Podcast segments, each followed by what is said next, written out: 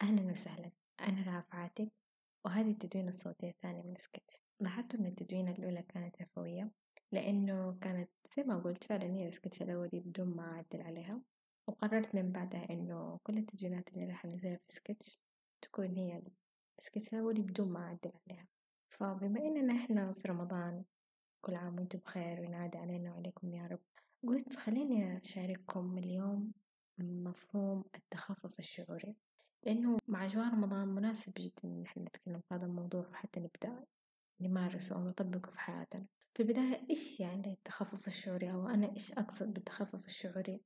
الفكرة مشابهة جدا لمفهوم المينيمزم أو الأقلية الأقليون ولكن على المشاعر. فلما إحنا نقول مشاعر إيش يجي في بالنا أول شيء؟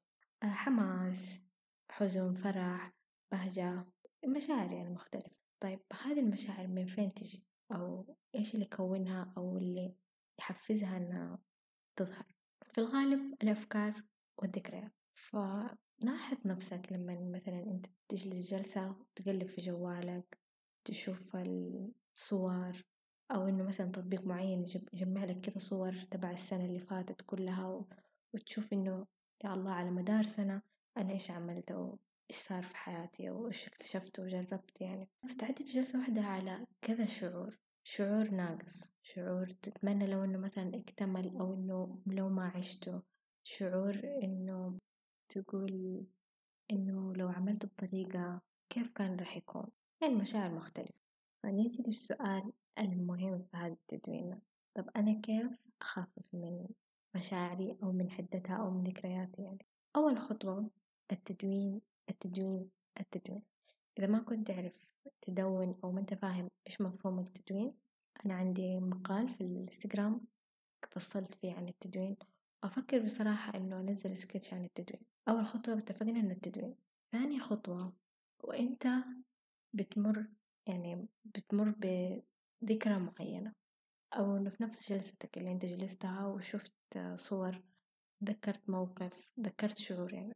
طلع عندك شعور معين لا تعمل سكيب لا تتخطاه أو تهرب منه. اجلس معاه يعني كذا بهدوء افهم هذا الشعور إيش يبغى أو يعني افهم الشعور هذا افهمه اكتبه اكتب عنه اكتب حتى لو يكون كلام ملخبط ما أنت فاهم إيش ال... أنت إيش قاعد بتقول. المهم إنه اكتب كل شيء يطلع عن معاك عن هذا الشعور كلم أحد عن هذا الشعور تعامل معاه من كذا زاوية مختلفة.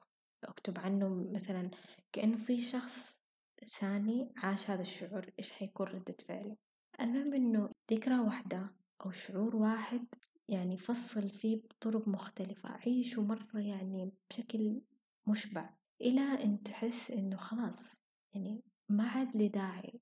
تتكلم فيه أو يعني تبدأ تكتب أو تكلم أحد عنه خلاص ما عاد في ذيك الحساسية اللي أول.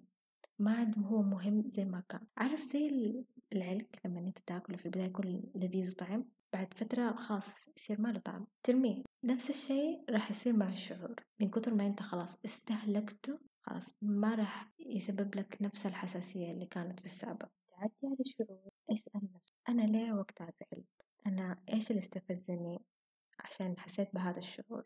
هذا الشعور أو هذا الشيء الموقف اللي صار إيش لامس جوتي عشان أنا أديت رد فعل زي كده؟ لأن هذه المواقف اللي إحنا مرينا فيها على مدار السنين كلها هي عملت زي النظام نظام حماية أو نظام دفاع. لأنه إحنا كل موقف مرينا فيه أدينا رد فعل. فلما يجي يتكرر هذا الموقف من جديد إحنا بندي رد فعل سابق. لأن إحنا خلاص متعودين. النظام دفاعي عندنا. فلما إحنا نبدأ نفكك هذه الذكريات هذه المشاعر نتعامل معها نفهمها رح نغير من ردات فعلنا فلما نغير من ردات فعلنا بديهيا إيش رح يتغير؟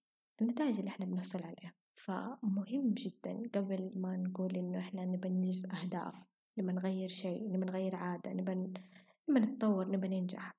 قبل ما نقول هذا الكلام نفهم نفسنا نفهم إحنا ليه بنعمل ردات فعلا. يعني أحد الأمور اللي فعلا ساعدتني وغيرت في عاداتي هي هذه هي الحركة هذه البسيطة على قد ما هي بسيطة لكن فعلا كان لها تغيير وأثر في حياتي جدا كبير. وأنا أقول لك إنه جرب وأنت بنفسك أحكم. التجربة خير برهان. لا تستتفه الموضوع وتقول إنه ممكن حركة زي كذا حتغير شيء. أنا أفهم أنا في البداية قلت هذا الكلام لكن فعلا التجربة هي خير برهان. أتوقع إنه أنا وصلت لنهاية التدوينة. فشارك الموضوع. مع الأشخاص المهتمين. طبق وجرب وأنا أشوفكم في سكت جديد. أتوقع إنه ما ينفع أقول أشوفكم. أنا ألقاكم في سكت جديد. كونوا بخير.